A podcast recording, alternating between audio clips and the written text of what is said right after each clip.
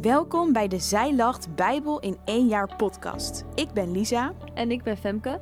En we lezen dit jaar de hele Bijbel in één jaar. Doe jij met ons mee? Elke week gaan we met elkaar in gesprek over het lezen, begrijpen en leven van de Bijbel. En hoe de Bijbel in één jaar ons daarin helpt. Zo delen we over hoe we het lezen ervaren, wat ons is bijgebleven in de Bijbelstukken van de afgelopen week. We delen interessante weetjes van Bijbelwetenschappers en we vertellen over wat ons helpt om de Bijbel niet alleen te lezen, maar ook echt uit te leven. Ben jij er klaar voor? Luister mee wat ons de afgelopen week is opgevallen. Hey Lisa! Hallo. Weet je dat we bijna aan de, het eind van onze eerste maand zitten? Ja, ik zag het ook inderdaad. Bizar. Toch wel snel gegaan eigenlijk, hè? En ik denk echt wel dat we een beetje trots op ons eh, Ja, zelf nou vind zijn. ik ook. En op alle vrouwen die meedoen natuurlijk ook. Dus eh, bij deze, goed gedaan. Zeker. Koop lekker een taartje of zo. Misschien kunnen wij dat hierna even doen. Oh ja, Even goeie. lekker, eh, Dat doen we. vieren. Even lekker koffietje doen. Ja. Nee, maar we, ja, ik vind het eigenlijk zo mooi hoe we gewoon alweer bijna een maand ja, verder zijn in het Mm. lezen van de Bijbel in één jaar. Ik bedoel, ja, Ja. we En- hebben toch. eh, En gewoon elke dag de Bijbel Ja. hebben geopend. Hoe, hoe is dat voor jou? Hoe, hoe ervaar je dat? Ja, ik, ehm, ik moet zeggen trouwens, ik heb het al een keer eerder gedaan. Oh dus ja, ja. voor mij is het wel een klein beetje herhaling. En daardoor ook, ehm, nou ja, de- merk denk ik toch dat het ietsje makkelijker is. Hm. Ehm, nou, deze week is het wel gewoon gelukt om elke week weer eh, Mhm. trouw te lezen.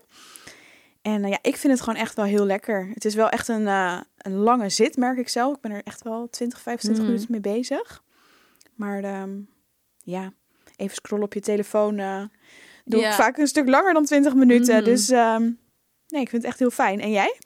Ja, ik ook. Nou, ik merk dus echt dat ik wel ook veel meer soort verlangen heb om dus echt de Bijbel te lezen. Omdat ik dus nu Mm. merk dat we, ja, doordat we gewoon elke dag, je hebt natuurlijk iets wat je leest, maar zo verwonderd raakt over hoeveel mooie dingen er in de Bijbel staan Mm. hoeveel beloftes er zijn, dat ik elke keer denk van, oh ja, als ik het lees ben ik eigenlijk super blij. Dus soms moet ik me er wel even toe zetten, zeg maar. Ja.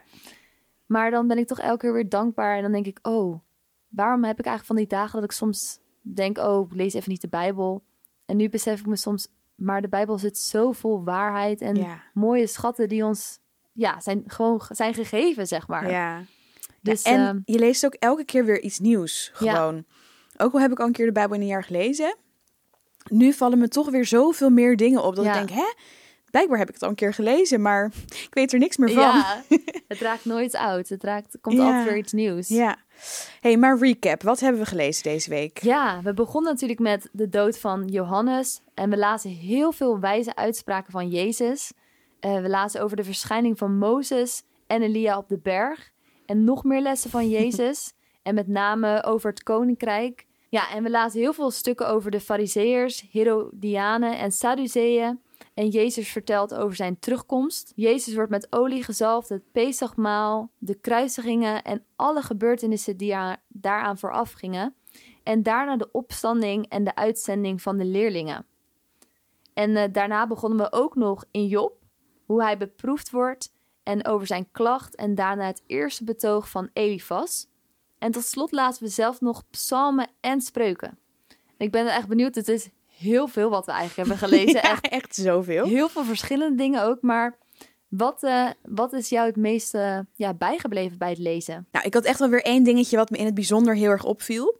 Dat was namelijk dat eh, Johannes, die was eh, dood. En eh, toen stond er heel expliciet dat Jezus met de boot ergens naartoe ging omdat hij alleen wilde zijn. Wat natuurlijk super logisch is als je vriend eh, dood is, dan wil je daar gewoon een beetje over kunnen huilen en Mm. rouwen. En ehm, nou ja, vervolgens volgden de mensen hem. En dan staat daarna, toen hij de menigte zag, voelde hij medelijden. Dat staat in Matthäus 14, vers 14. Nou, dat trof me echt heel erg. Jezus had zelf een bepaalde behoefte, namelijk alleen zijn. Hmm. Maar toch gaf hij dan die andere prioriteit. En ik vond dat echt weer zo een prachtig voorbeeld Hmm. in hoe dienend en perfect de liefde van Jezus is. Hmm. Ja, waar Ja. wat wij soms misschien als mens best moeilijk vinden om. eh Ja. liefst zouden wij eh, ergens inderdaad gewoon alleen blijven zitten. ja, nou ja, kies je gewoon voor jezelf. Maar hij koos echt altijd voor de ander. En eh, nou ja, Vond ik heel mooi. Ja, super mooi. Wat uh, raakte jou afgelopen week? Ja, wat mij raakte was eigenlijk uh, het verhaal van de vermenigvuldiging van uh, de broden en de vissen. Want ja, de discipelen die gingen natuurlijk haastig naar Jezus van wat moeten we doen? Deze mensen kunnen we niet allemaal voeden. En ja, dan brengen ze hetgeen wat ze hebben aan Jezus. En wat me heel erg opviel waren de bepaalde handelingen die daarna gebeurden. Want Jezus Hmm. nam het, hij keek naar boven. Toen dacht ik, oh, hij verwacht het dus echt van de Vader. Hmm. Hij brak het en toen liet hij het de discipelen uitdelen aan de mensen. En dat vond ik zo opvallend om te zien hoe Jezus dat dus deed, maar vervolgens ook wat er overbleef was gewoon twaalf volle manden. En toen dacht ik, wauw, het waren ook twaalf discipelen, weet je wel, van ja, als we datgene geven, dan vermenigvuldigt God het. Maar dan is er dus altijd ook nog genoeg voor degene die het ook weer hebben uitgedeeld. Hmm. Dus dat, uh, ja, dat was hetgeen wat mij echt is uh, bijgebleven. Wauw, heel mooi zeg. Prachtig beeld. Ja. Ja. hey, en ik zit nog even te denken, want um, het is vandaag vrijdag mm -hmm. en um, de podcast komt vandaag online. Ja. En we hebben het nu over wat ons opviel, maar voor jou, de luisteraar, is het ook misschien heel leuk om te delen wat, ja. jij, uh, wat jou opviel. Dus als je naar onze stories gaat, dan kun jij uh, een reactie achterlaten wat uh, jouw takeaway is van deze week. Ja. En kunnen we elkaar inspireren. Ja, ik ben echt heel benieuwd hoe andere vrouwen het uh, ook ervaren. Ja, ik ben ook heel benieuwd. Ja, en de Bijbel begrijpen. Want we hebben ook weer een, uh, een tof Bijbelweetje. Ja, zeker. Van Annemarijke School. Um, bij Matthäus 15. Want Sidon en Tyrus lagen buiten Galilea in niet-Joods gebied. Um, Jezus reageerde niet erg aardig op het verzoek van de vrouw. En ook heel anders dan op andere momenten waarop niet-Joden hem om iets vragen. Bijvoorbeeld de centurio, die graag wil dat Jezus zijn knecht geneest. Mm -hmm. Maar het mooie van dit verhaal is wel dat Jezus zich dan toch door de vrouw laat overhalen. En misschien was dat wel als les bedoeld voor de grotendeels Joodse lezers van het Matthäus-evangelie. Zij zouden wel eens op dezelfde manier naar niet-Joodse gelovigen hebben gekeken als Jezus aan het begin van dit verhaal. Maar zij moeten dus leren dat Jezus echt voor alle mensen gekomen is. Wauw, mooi. Ja, en ik heb zelfs nog een weetje. Uh, die gaat dan over Job. Nou, dat vond ik zelf echt een hele bijzondere, want um, Psalm 88 lazen we. En dat is een heel uitzonderlijke psalm, want bijna alle psalmen, ook de, zelfs de klaagpsalmen, die eindigen uiteindelijk toch in majeur. Dus die hebben dan toch een positief einde. Hmm. Maar psalm 88 eindigt als enige psalm in mineur. Het eindigt met mijn enige metgezel is de duisternis. Nou, super Ja. natuurlijk. Maar daarmee is het wel een hele passende psalm voor wat Job overkomt. Ook voor hem is er op dit moment geen enkele emotie mogelijk dan verdriet en verbijstering. Hmm. Dus daarom lazen we die zo heel mooi eh, naast Job deze week. Dus eh, ja, weer twee interessante Ja. deze week. Altijd goed, want eh, die laatste daar had ik, wist ik echt niet. Nee, Mooi om dan weer Nee. stil te staan. Ja, ik ga er ook eens even op letten bij de psalm als ik Ja. ze lees. Van hoe eindigen ze? Ja, goeie. Ja. Eh, en de Bijbel leven. Ja, hoe... eh, je deelt natuurlijk net al iets over begrijp, maar hoe, hoe ja, is dat voor jou? Ja, nou, ik was ook wel echt weer eh, ver, verder gegaan met die Matthäus 14, vers 14, over meer een beetje een dienende liefde. En ik had wel echt een praktisch voorbeeld afgelopen week. Hmm. Want nou, mijn man komt meestal later thuis uit zijn werk dan ik. En dan ben ik er rond zes uur. En hij komt ehm, een beetje tussen half zeven en zeven uur thuis. Dan begin ik altijd even aan het eten, zodat we snel kunnen eten als hij thuis is. Mhm. Maar als ik dan heb gekookt of het eten staat op, dan plof ik vaak gewoon even lekker op de bank. En dan ja, ben ik gewoon even lekker niks aan het doen. Maar ja, 9 van de 10 keer resulteert dat natuurlijk in domme Instagram reels kijken en doorsturen naar mijn zus. Mhm. Ehm, maar als mijn man thuis komt, is het dan heel makkelijk om gewoon hoi te zeggen en een beetje te blijven liggen, weet je wel. Mhm. Een beetje luisteren naar mijn eigen behoeften, namelijk mijn eigen luiheid op dat moment prioriteit geven. Maar ik probeerde deze week dan toch gelijk mijn telefoon weg te leggen als mijn man thuis kwam. En hem echt de volle aandacht te geven, hem te overladen met knuffel en kusjes. Gewoon geïnteresseerd te zijn hoe het met hem gaat, hoe zijn dag was. En nou, ik snap wel dat het natuurlijk niet te vergelijken is met wat Jezus deed uh, toen zijn vriend uh, dood was. En uh, nou ja, gewoon die daad van zelfopofferende liefde die hij deed. Maar toch, het is een beetje mijn eigen kleine manier van een vorm van zelfopofferende liefde.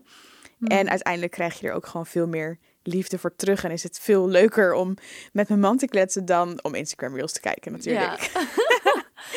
ja. ja. Dus nou, misschien een beetje vergezocht voorbeeld, maar... Uh... Nou, ook denk ik juist weer heel praktisch maken. Ja. Dat het dus ook gewoon zo dus al kan in het dagelijks leven. Ja, zeker. Ja. En uh, wat was jouw?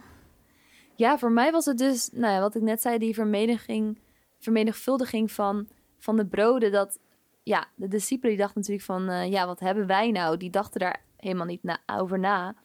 En ik dacht van, ja, vaak denken wij dat misschien ook wel van, ja, maar wie ben ik dan? Weet je wel, of mm. uh, ja, wat, wat maakt nou uit dat ik die persoon bijvoorbeeld een compliment geef of uh, vertel voor Jezus?